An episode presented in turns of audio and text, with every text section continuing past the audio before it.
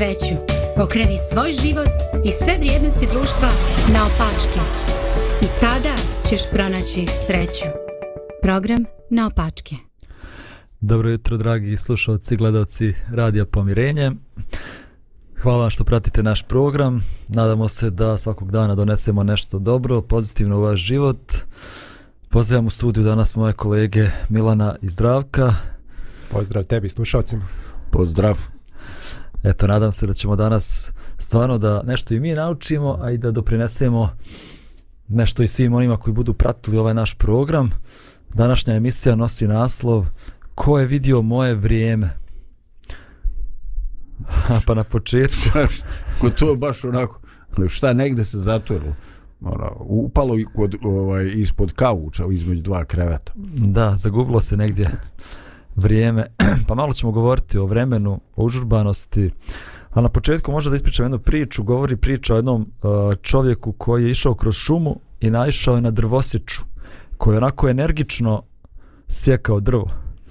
Šta radiš? Upita ga ovaj čovjek. Pa zar ne vidiš? Nervozno odgovorio drvosječa. Sječem drvo. Pa izgledaš umorno. Koliko dugo već pokušavaš da srušiš ovo drvo? Više od 5 sati i totalno sam slomljen. Pa zašto ne uzmeš nekoliko minuta da naoštriš sjekiru? Čovjek je upitao. Siguran sam da bi mnogo brže išlo. A onda ovaj drvosječar rekao, pa nemam vremena da naoštrim sjekiru. Zar ne vidiš da sječem drvo? I mi svi smo slični ovom drvosječi, živimo u užurbanom svijetu, naši životi su ispunjeni sa hiljadama obaveza i zato što smo toliko zauzeti, nemamo vremena da zastanemo i da naoštrimo sjekiru. Evo, ne znam šta vi mislite o tome. A inače, evo, nas trojica, sva trojica, nismo baš neki ubrzani ljudi, kolerici. Znam da je Milan flagmatik i ja sam nešto između tako, ovaj, zdravko, ne znam za tebe. Zavisi. Zavisi. Kako vi doživljavate ovo o čemu pričamo? Milion obaveza, užurbanost, nemaš vremena da naoštriš sjekiru, nemaš vremena da za, za svoj, za sebe, nemaš vremena da ti skupiš snagu, napuniš baterije svog života zbog svih tih obaveza. Da li je to vaša realnost? Čoveče, evo, otkriću ti, otkriću u tajnu, samo nemoj da se to čuje daleko, jel? Ovaj, znači, svaki put kad je zima, ovaj ja povremeno sebi dam ovaj da odgledam neki na YouTube neki film o peca, pec, pecanju u sportskom ribolovu i onda hvatam neke tehnike i e, maštam kad dođu lijepi dani. Kako bio ideal kad bi ja svakoga vikenda mogu izići na 2-3 sata. Ali eto makar dva puta mjesečno ovaj i e, ja to maštam dok je zima jer nisam jedan od onih baš toliki entuzijasta nisam da idem ovaj po hladnoći. I ovaj i sve to traje onako lijepo dok ne dođe mart i dok se to stvarno ne moglo i onda se desi da ja izađem u ribolu prvi put u junu ili u julu znači kad je već prošlo pola godine. I onda da izađem jednom mjesečno ili da iziđem svega tri put za godinu dana. I ja nikako ne mogu da skontam uh, ko to mene tako izmanipuliše. Koliko sam ja puta gradio fino te ambicije, znam koliko me to opušta, znam koliko mi je to dragocino za živce i sve. Ali kad dođe vrijeme, ne znam kako, zašto, ili nemam s kim, ili, ovaj, evo, baš danas mi se ne ide, ali u svakom slučaju taj znači izbor, izvor moje neke psihičke stabilnosti, neko mi ukrade. Znači i, tebi se, i tebi se dešava. Ma katastrofa. I onda sretnem penzionere i kaže, evo, otkad sam u penziji, ja sam se kada je u penziji moći da uživam. Kaže, ja se razvali trčeć za nekim obavezama. Ja gledam, prvo sam mislio da se pravi ble, bleko, ko što kaže Izeta Zlinović, a onda vidim da čovjek ozbiljno priča. I majke mene već unapred strah. Ne znam šta se dešava, jer čovjek ovaj, jer nešto pobrka lončiće, ili, ili ne znam, ali fakat je to čovječe problem, to je aktuelno. Ove, ovaj, zanimljivo je da časopis Time 60. godina prošlog vijeka je pisao da sa napretkom tehnologije uh, koje će se dogoditi u narednim godinama doće do radikalnog smanjenja radnog vremena i da će ljudi odlaziti u penziju znatno ranije. Također su rekli izazov će biti šta će ljudi raditi sa toliko slobodnog vremena. Eto, danas mi živimo u tom vremenu kad se tehnologija razvila, a ne znam da li se i kod nas pita šta da radim s toliko slobodnog vremena. Koji Kao- to slunto, Milane? a? Kao to prvo, ja, ja, ja ne vjerujem u to što taj ovaj, autor iz Time-a piše, zato što ovaj, ako bude tako da, ne znam, mašine i vještačke inteligencije rade posao umjesto ljudi, ljudi će dobiti otkaz, a poslodavci će da zarađuju više, jel tako? A ne vjerujem da će, da će neko da kaže, e sad imamo tehnologiju, hajde da sad čitav narod manje radi. To ne, ne znam ko mi palo na pamet. Evo, ja volio da tako bude. Neki ovaj. idealistički pogled na neki svijet. idealistički pogled, sve, svi, svima će ravnomjerno da idu blagoslovi, Utopistički. Da, da blagoslovi te tehnologije će svima ravnomjerno da idu u prilog, međutim ne vjerujem da će tako, tako biti. Znači samo će onaj vlasnik fabrike koji je imao 300 radnika sad otpusti 200 i zarađuje isti novac sa 100 radnika. Ovaj, ne, zarađuje mnogo više novca pošto više ne plaća onih 200. Tako ja nekako mislim da, da će ići. Ali ovaj, a ovi ljudi koji su ostali bez posla morat će da traže da se pre, prekvalifikuju na nešto gdje još uvijek mašine ne mogu da ga zamijene. A, međutim, definitivno je tačno da, recimo, mi sad kad se poredimo a, neki 8 sati standard rada, mnogi, mnogi radi manje, a, smo daleko u povoljnoj situaciji u odnosu na ljude koji su nekad radili po 12-14 sati, pa čak i ono, u principu ljudi koji su imali neko imanje, tu uvijek ima nekog posla. Znači, ja znam kad odem na selo, pa od ranog jutra pa do, dok se još vidi, pa i nakon toga uvijek ima nešto da se radi, uvijek se nešto radi. A, tako da definitivno imamo više slobodnog vremena, međutim imamo i više stvari kojim to pod navodnicima slobodno vrijeme popunjavamo i tako da mi uopšte nemamo osjećaj da, da imamo da imamo to slobodno vrijeme. Da, zanimljivo je to da ljudi koji mnogo više rade, oni imaju više slobodnog vremena. Oni, ja znam na selu, ljudi se posjećuju, uh, naveče pričaju zajedno pe, uz kestenje, pe, uz one peku, one pečenjke, kukuruze i ne znam ni ja šta rade. Joj, gdje me nađe?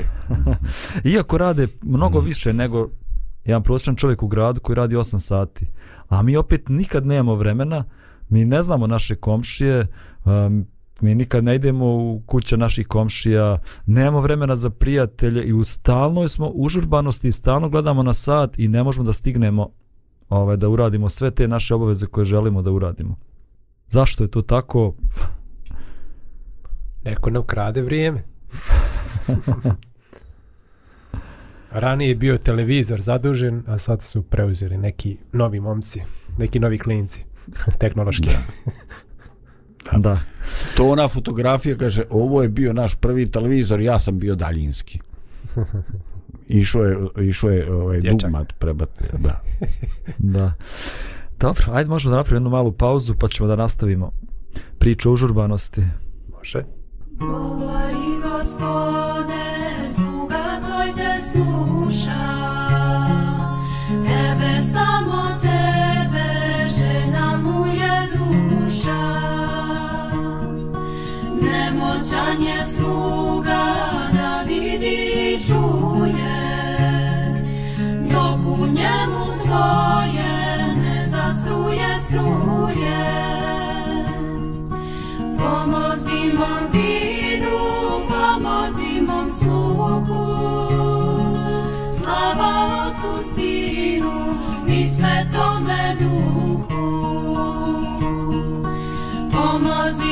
be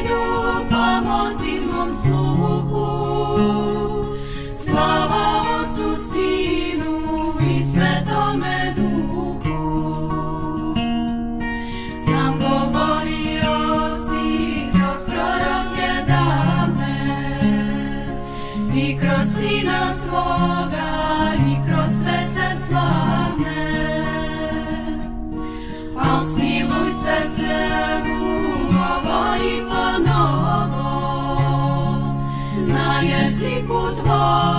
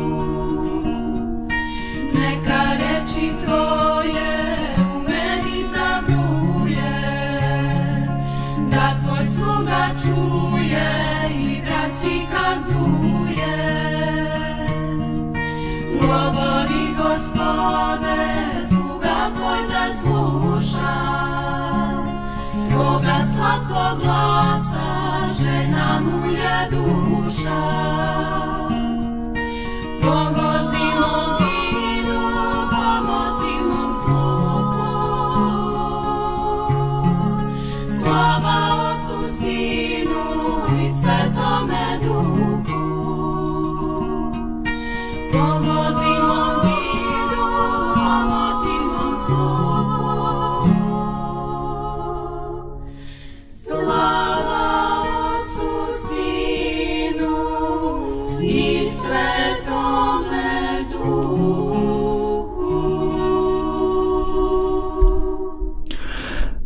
Nas nazad u studiju, razgovaramo o tome ko je uzeo naše vrijeme, nikad dovoljno vremena nemamo, uvijek smo u nekoj žurbi. Pa ajde malo da pričamo o tome ko je stvarno uzeo naše vrijeme i gdje nam to vrijeme odlazi. Uh, evo, ne znam šta vi mislite, ko je, ko nam je uzeo vrijeme, da li nam je neko uzeo vrijeme ili smo mi sami odgovorni za svoje vrijeme.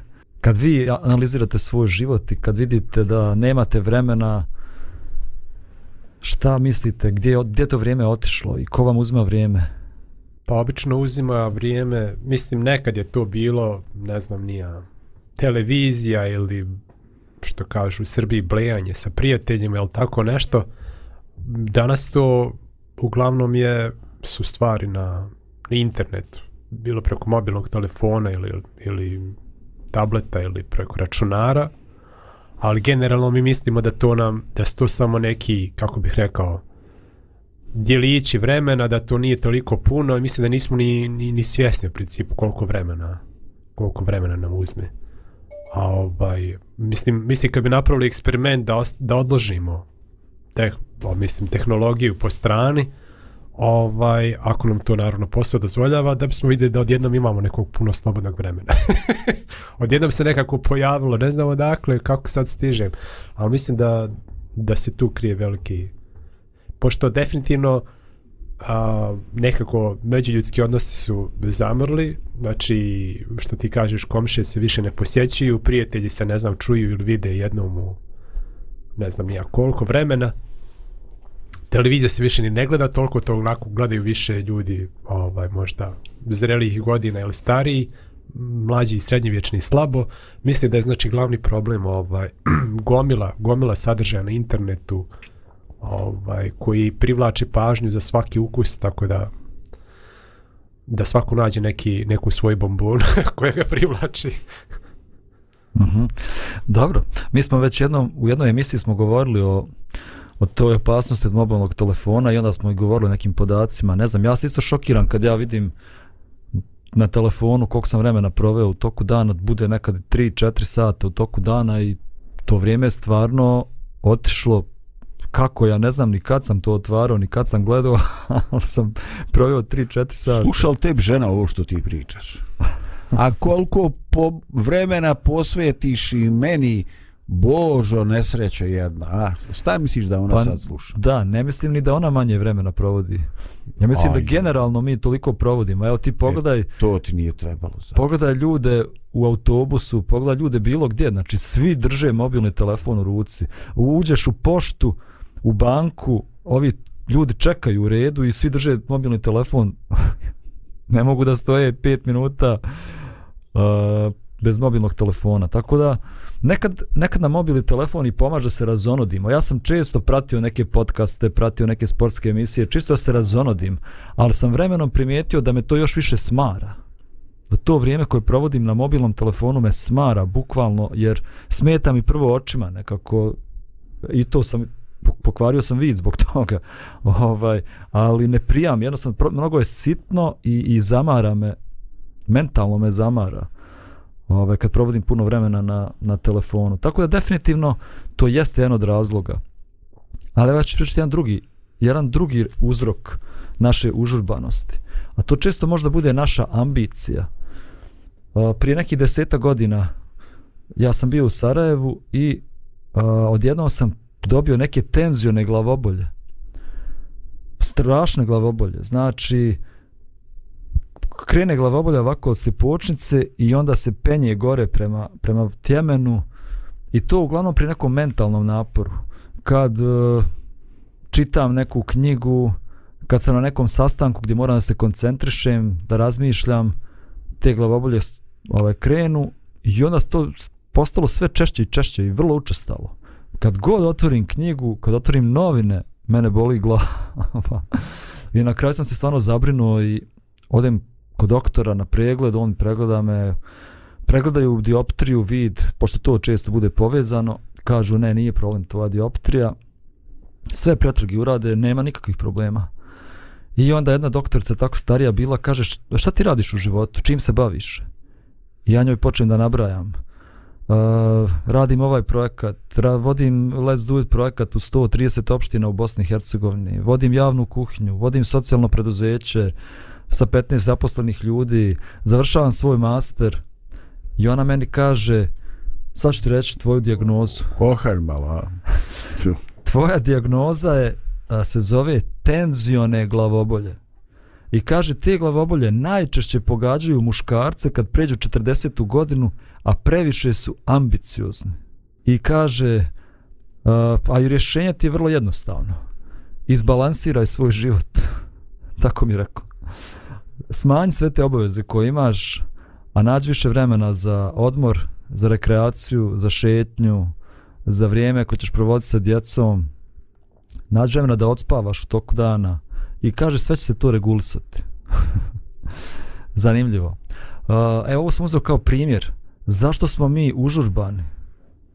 Pa možda zato što smo previše ambiciozni, zato što smo stavili sebi previše obaveza u životu i previše ciljeva smo postavili, u životu i da bi sve to ostvario, da bi sve to postigao, neminovno je da moraš da trčiš i da juriš kroz život. Ali evo, poslije ćemo razgovarati malo i o tim negativnim posljedicama, ja sam već naveo jednu od tih negativnih posljedica. Šta mislite vi o tome? Koliko naše ambicije, koliko naši ciljevi uzrokuju da nemamo slobodnog vremena i da budemo užurbani?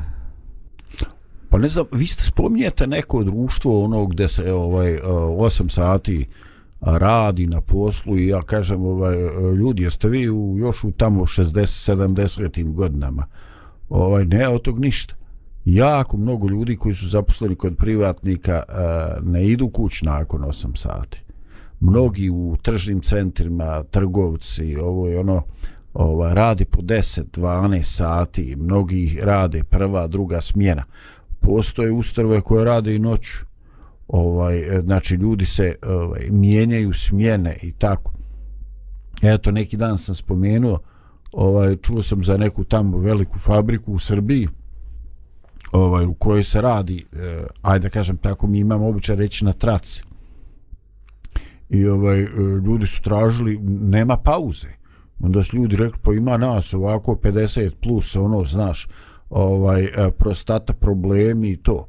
Pa kaš, kak je to problem? Kaš, pa staviš peleno i tako, znači, nema, nema, znači, nisu, ovaj, ja eh, prihvatam da određeni ljudi imaju ovaj problem uh, sa ambicijama, ali ovaj uh, nije čovjek pritisnut uh, obavezama uvijek samo koje je sam sebe natovorio, nego jednostavno mi smo bačeni u neki uh, u neki vrtlog, znači to se desilo i u onom trenutku kad, ovaj, kad je krenula manufaktura, nešto između zanatstva i, i industrije.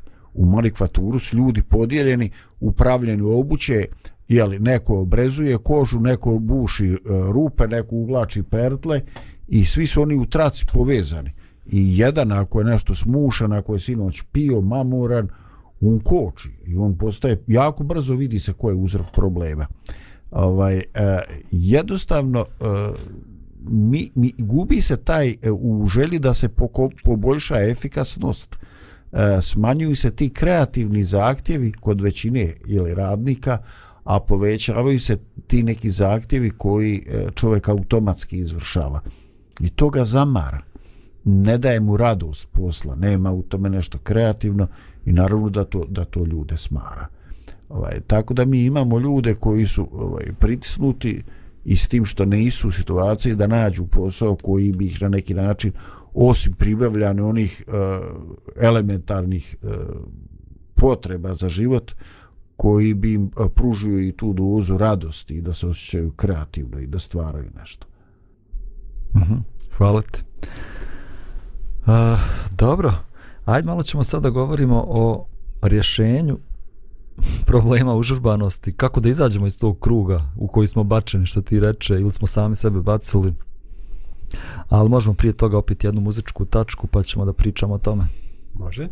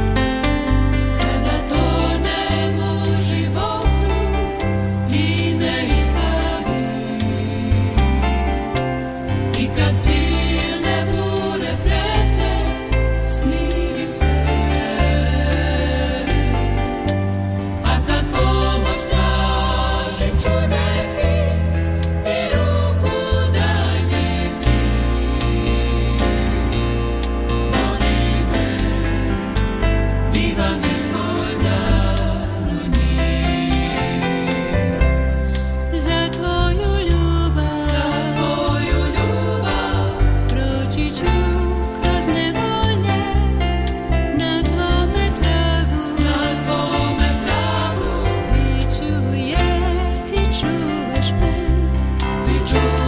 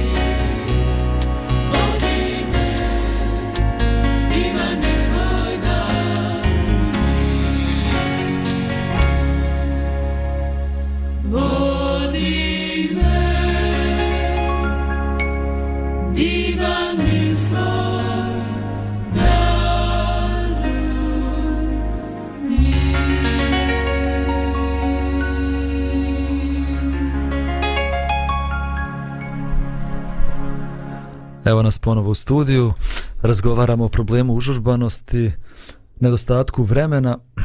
Pa evo prije nego što krenemo na rješenje problema, a, evo jedna mala diagnostička vježba, čisto da vidite koliko bolujete od bolesti užurbanosti. Nekoliko simptoma. Progonjen si strahom da nema dovoljno sati u danu da uradiš sve što je neophodno. Čitaš brzo, pričaš brzo, a kad slušaš, klimaš glavom brže da bi ohrabrio sagovornika da požuri. Svaki put se nerviraš kad moraš da čekaš. Na semaforu, ako postoje dvije trake i u svakoj po jedan auto, gledaš marku auta i ocjenjuješ koji će auto brže krenuti. U supermarketu brojimo koliko ljudi ima u kojem redu i množimo sa brojem stvari u korpi. U slučaju teške bolesti, čak i kad stanemo u red, pratimo osobu u drugom redu koja je stala na moje potencijalno mjesto. Ako sam ja prošao kasu, ona još čeka. Ispunjen sam osjećajem zadovoljstva. Pobjedio sam. A ukoliko drugi red ide brže od moga, osjećam se loše. I još jedna, jedan simptom. Zaboravljam važne datume, propuštam važne sastanke. Da ste se pronašli u, nekoj od, u, u nekom od ovih simptoma? Jesam, ali ne znam je li to radi užurbanosti ili radi e, rodnog lista. Gdje si se pronašao? Da. Neću da ti kažem. no, pronašao sam sigurno dvije, tri stvari. Ovaj, a, a ovu sam posluzi definitivno bolujem, a, znači, a, a na mozak se uključi koji mi se red isplati ovaj, a, isplati i taman kad ja odlučim se za jedan red ona ode kod koleginice tražiti neku vrstu cigareta koje kod nje nema u onom kuti boksu iznad i onda ja kažem znao sam I da nestane, nestane sitniša pa mora ići na drugu kasu. da mora ići da ona to usitne Ja, a, da, ja to isto radim.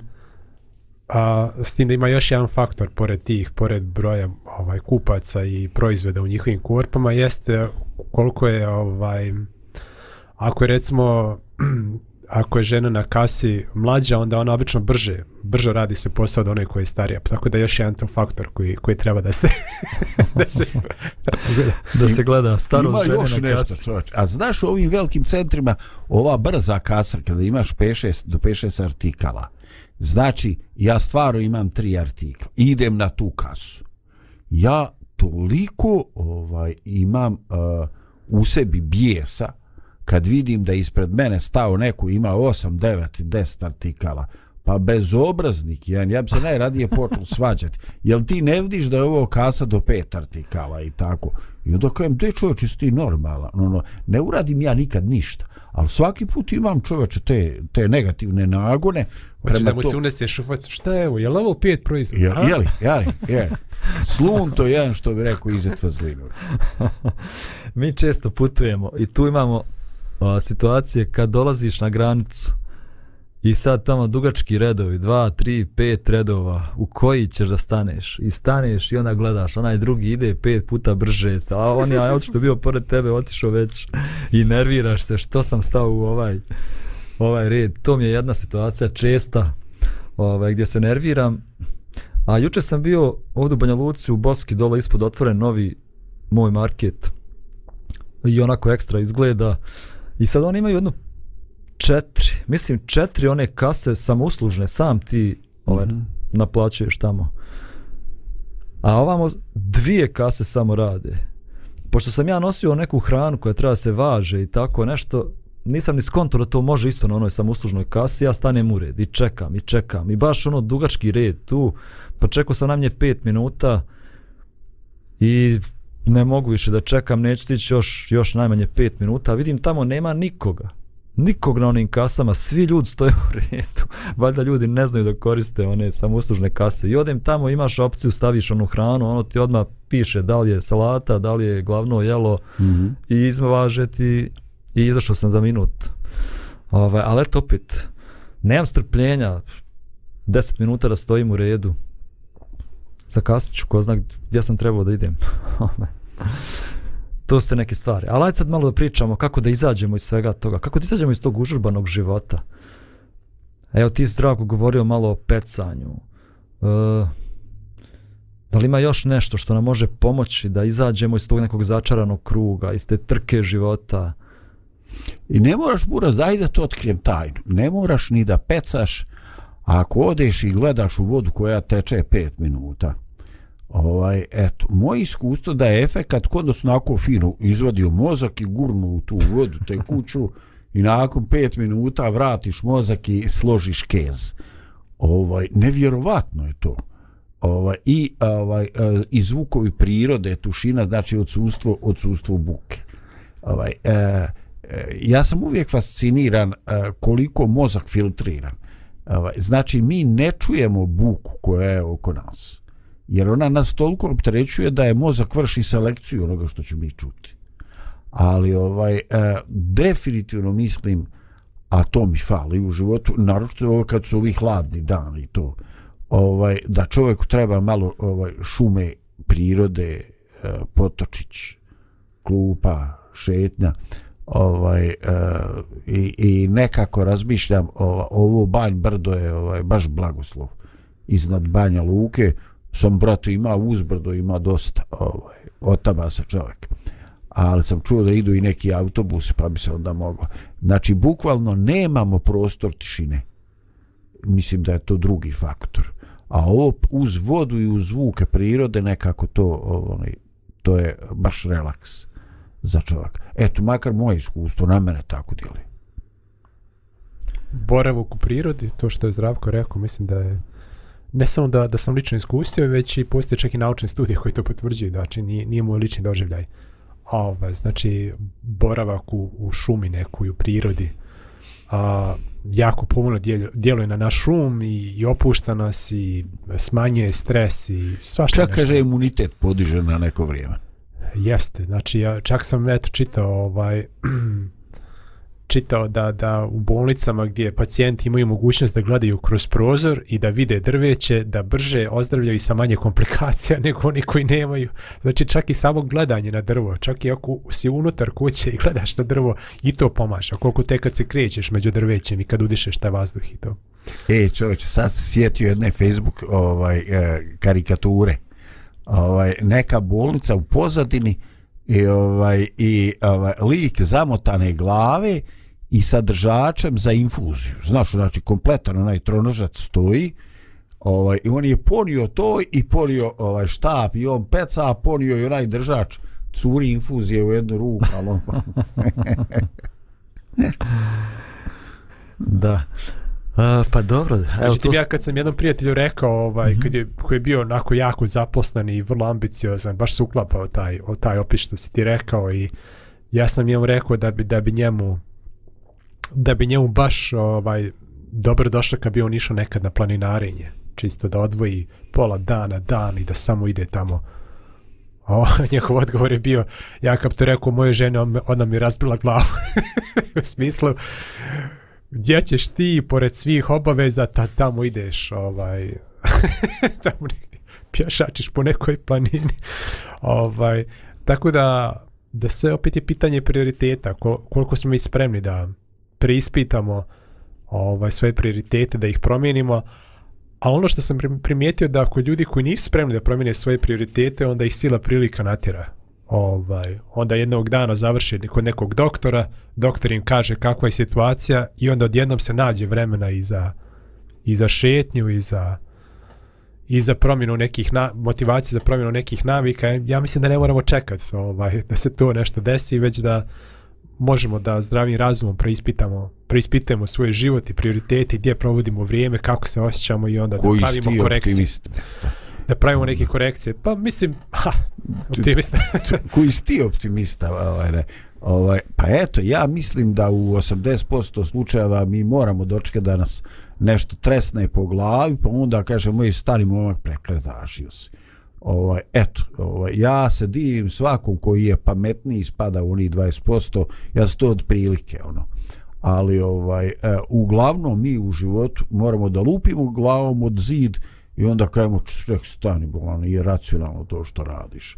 Ali ovaj dogod je to teoretski pristup mi kažemo daj ne razumiješ ti stvarnost situacije u životu ja jednostavno moram. I kad se razboliš shvatiš da ne moraš.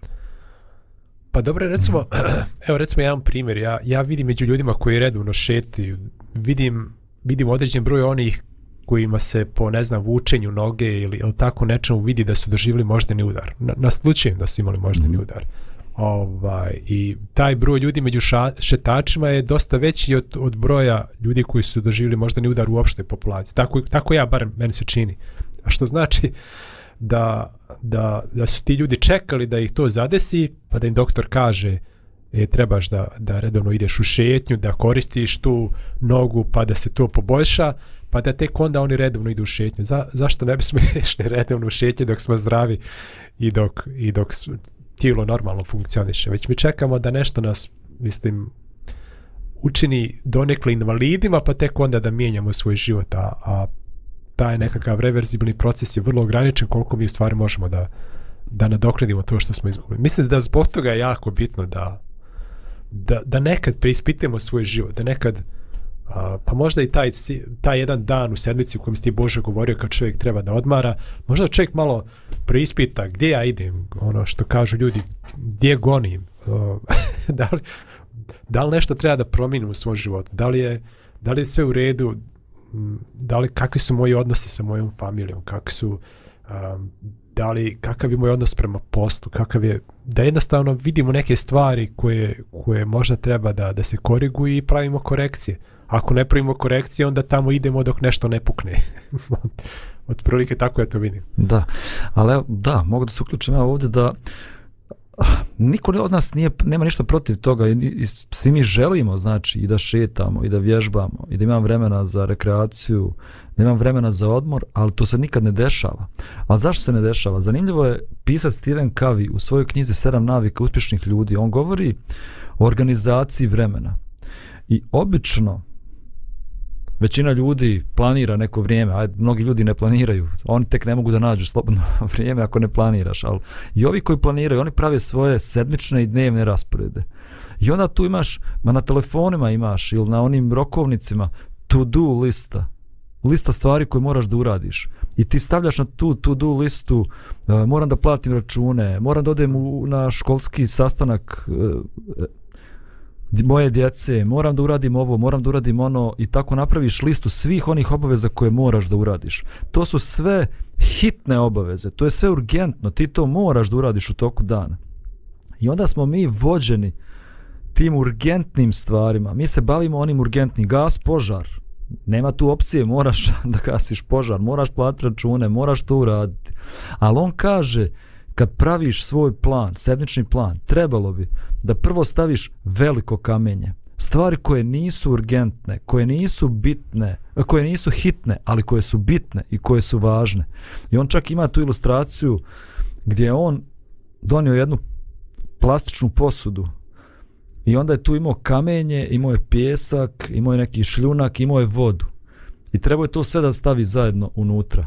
Ako kreneš sa tim sitnim stvarima, pjeskom, e, vodom, e, šljunkom, ti nećeš imati mogućnosti da ubaciš to veliko kamenje u tu posudu.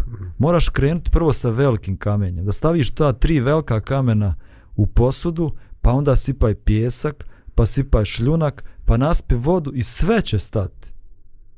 Što znači, ako mi isplaniramo u toku sedmice prvo te bitne stvari, koje su, ne znam, rekreacija, šetanje, što ti govoriš, Odvojiću ću ponedjeljak i četvrtak u 5 sati vrijeme za šetanje, uh, obrazovanje, čitanje, ne znam, uzet ću tu knjigu iz biblioteke, svakog dana u 7 sati ću po, provesti pola sata čitajući, uh, zdravlje, uh, ne znam, evo, sve to su neke bitne stvari.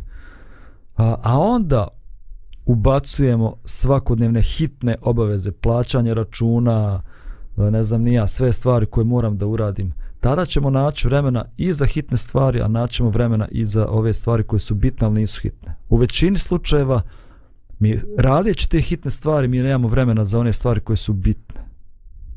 A onda se samo povećavaju hitne stvari, jer onda dolazi i do opterećenja, i do stresa, i do moraš posjetiti onda i doktora, moraš kupovati lijekove, samo se stvari pogoršavaju kad se bavimo samo hitnim stvarima, a zanemarimo totalno stvari koje nisu hitne, ali su važne i, i bitne.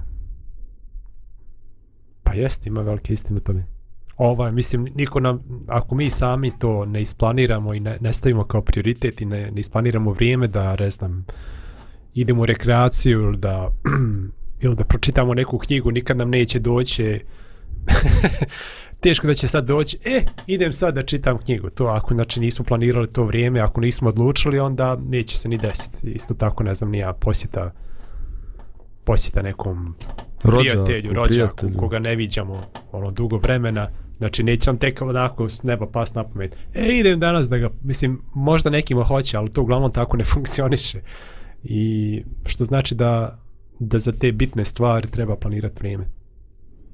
Niko te neće kritikovati što to ne radiš. To je isto problem. Ti kad ne radiš ove hitne stvari, neko će ti šef na poslu, uh, žena, muž, ovaj, Isključiti struju.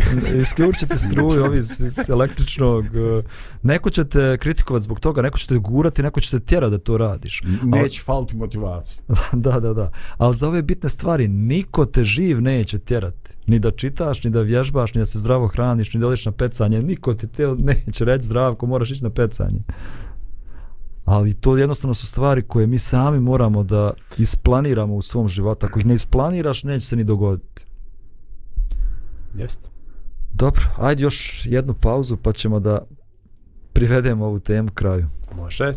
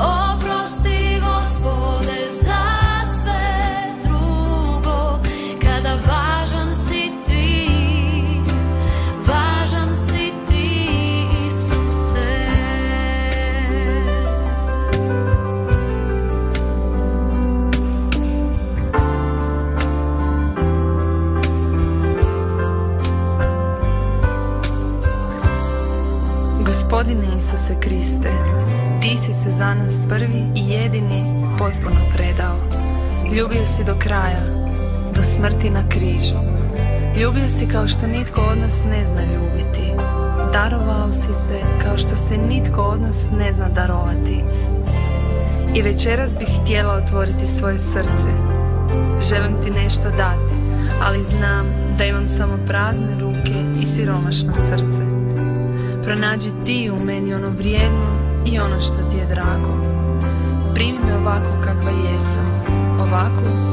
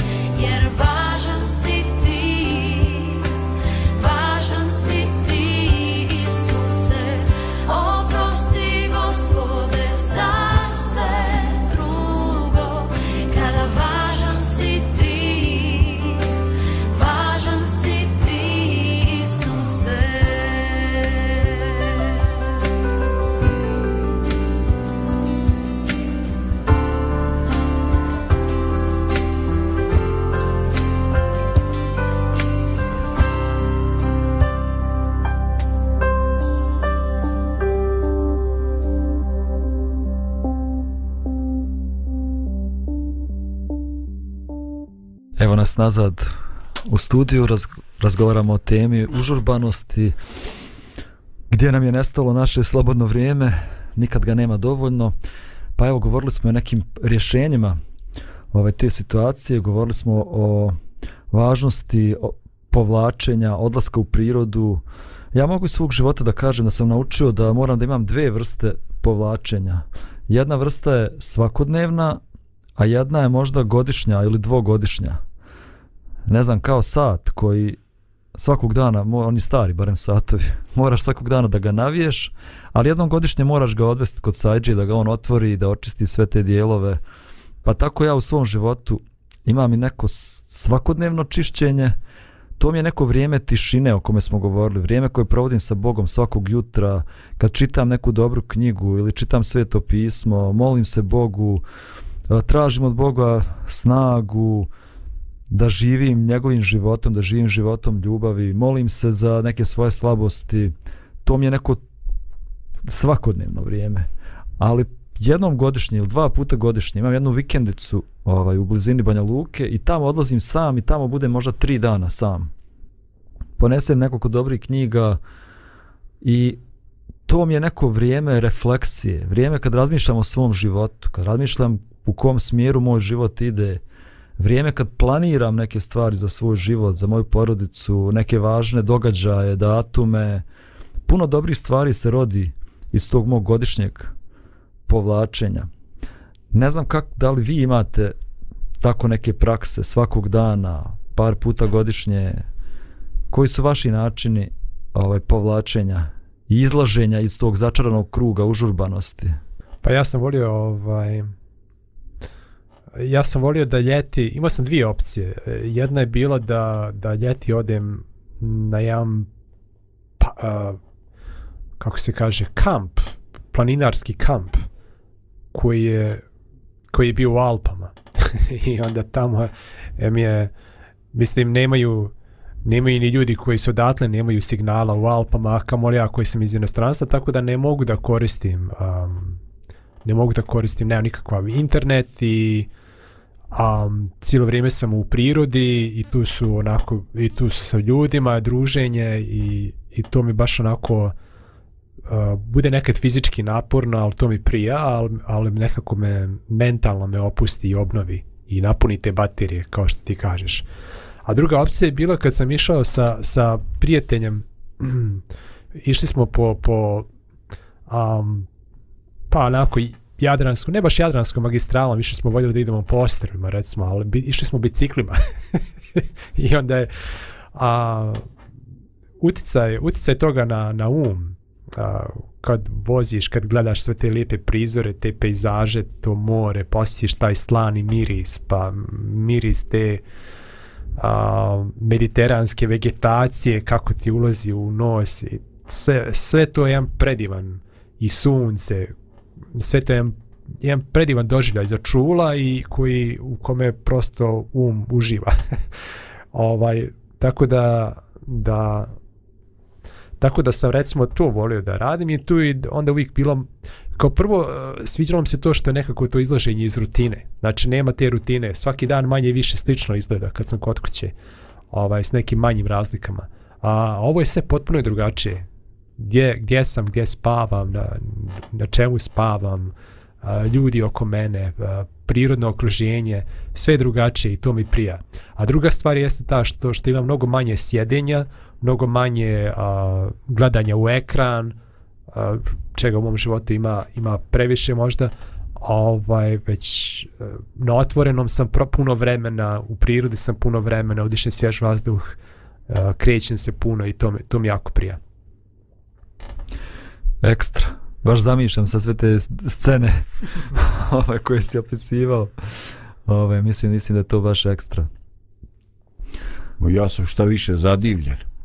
Ovaj, a, ne znam, ovaj, a, ja, ja sam a, na Alpama bio, kad sam bio mlađi od 30. I tad sam vidio jednu neobičnu pojavu, ovaj, a to je da po Alpama šetaju i ljudi koji a, nisu ni malo mladi. Oni znači nisu neki dio neke grupe 4-5 mladića koji ono ide uzbrdo, nego oni imaju neku svoju rutu i tako održavaju svoj e, uh, kardiosistem ovaj, i baš se vidi da imaju ljudi dosta godina, ali oni dakle ne odustaju. Ne znam, kažem, koliko su njihove rute, tad ni mi mi to ni padalo na pamet da pričam, ali znači definitivno postoji ta neka ovaj kultura zdravog življenja u pojedinim krajevima koja je specifična. Ovaj, e, evo vidim gotovo u svakoj našoj opštini, evo recimo Srbac, ovaj, je mjesto koje ima svoje planinarsko društvo i koje se prilično druži sa ostalim društvima. Znam da ista situacija je u Prijedoru i tako. Znači, postoje ta a, druženja koja nisu ovaj e, financijski zahtjevna, ima mjesto okupljanja, ima neka kotizacija za kombija ili autobusa i oni odu od tačke 1 od tačke 2, tamo im se spremi neki ovaj planinski pasulj ili šta već, nebitno, ovaj oni jednostavno ovaj eh, hodaju. Ovaj e sada eh, I ja sam sklon tome, iako kako godine prolaze, to je ovako sve, sve veći zahtjev. Ovaj, e, I drugo, o, ponekad, e, ponekad je problem kad ima ovaj e, kad u društvu se neko previše ovaj plaši tih nekih mizavaca ovo i ono znaš onda taj neki e, strah od nebetoniranog prostora ovaj e, možda kvari taj uticaj onda tražimo neke neke druge aktivnosti gdje možemo biti zajedno. Ali ovaj e, ne znam e, čini mi se da ako na vrijeme ne reagujemo da će te neke e, ideje propasti i onda ćemo biti uhvaćeni u zamku da više nismo psihički ili fizički sposobni za te neke stvari i da jednostavno smo propustili šansu za neka od tih iskustava. Evo ja već polako osjećam neke stvari pa vas upozoravam. Budite pametniji od mene. Osjećamo ih i mi koji smo, koji smo mlađi dosta od tebe. Ove, ovaj, zato što nismo balansirali život. Evo vrijeme nam već polako ističe. Uh, možda da kažemo da kad je Bog stvorio čovjeka on ga stvorio sa ritmom rada i odmora. I rekao šest dana radi jedan dan odmori, jedan dan nađi za sebe. Kad ćeš da odmoriš i svoj um i svoje tijelo, da napuniš baterije. Nažalost, mi ne prihvatamo taj ritam koji nam je Bog dao, mi bismo radili i, i danju i noću i ne bismo nikad imali odmora, samo kad naše tijelo bi to dozvoljavalo, ali eto, naše tijelo nam je nekad prepreka u tome, pa dobijemo i tenzijone glavobolje ili dobijemo čir na želucu ovaj, ili nešto tako slično, pa nas tijelo opomene da treba malo da zastanemo. Evo, danas smo čuli neke dobre e, i savjete i primjere, izađemo u prirodu. Odvoj jedan dan u sedmici kada ćeš otići u prirodu, kada ćeš uh, uživati u tišini prirode ili u zvucima prirode, u crkutu ptica, u vjetru koje ćeš da čuješ, a ne samo u buci automobila i, i udisanju tog smoga u gradu. Ovaj, sigurno će se to odraziti pozitivno i na naše mentalno zdravlje, na naše fizičko zdravlje, napunit će naše baterije tako da možemo da tiš ponovo, da se vratimo ponovo u taj začarani krug i da radimo sa nekim novim oduševljenjem i novim elanom. E, toliko za danas u ovoj emisiji. Pozivam nas da pratite i zdravku emisiju u jedan sat. Do tada želim vam sve najbolje. Milanovo od pet. Milane, danas u 5 sati. To je to, da. Start. Wow. Nema Bravo. više uzmicanja. Bravo, Milane. Navijamo za tebe. Evo, znači da najavimo danas premijerno u 5 sati, u 17 časova. Milanova emisija. Milane, najavi ti. U današnjoj emisiji ćemo se baviti razlozima zašto bi svaka osoba, ne samo oni koji vjeruju i koji su hrišćani, trebalo da čita Bibliju, znači neke zaista dobre razloge, a onda od e, sutra počinjemo sa konkretnim otvaranjem a, Biblije i sa čitanjem tekstova, sa razmišljanjem o njima i, i o praktičnoj primjeni također njihovoj. Wow, super. Radujemo se. Tako da, eto, u 5 sati uh, pratimo ono što će Milan da govori. Do tada svako dobro i vidimo se i slušamo se ponovo. Pozdrav! Pozdrav.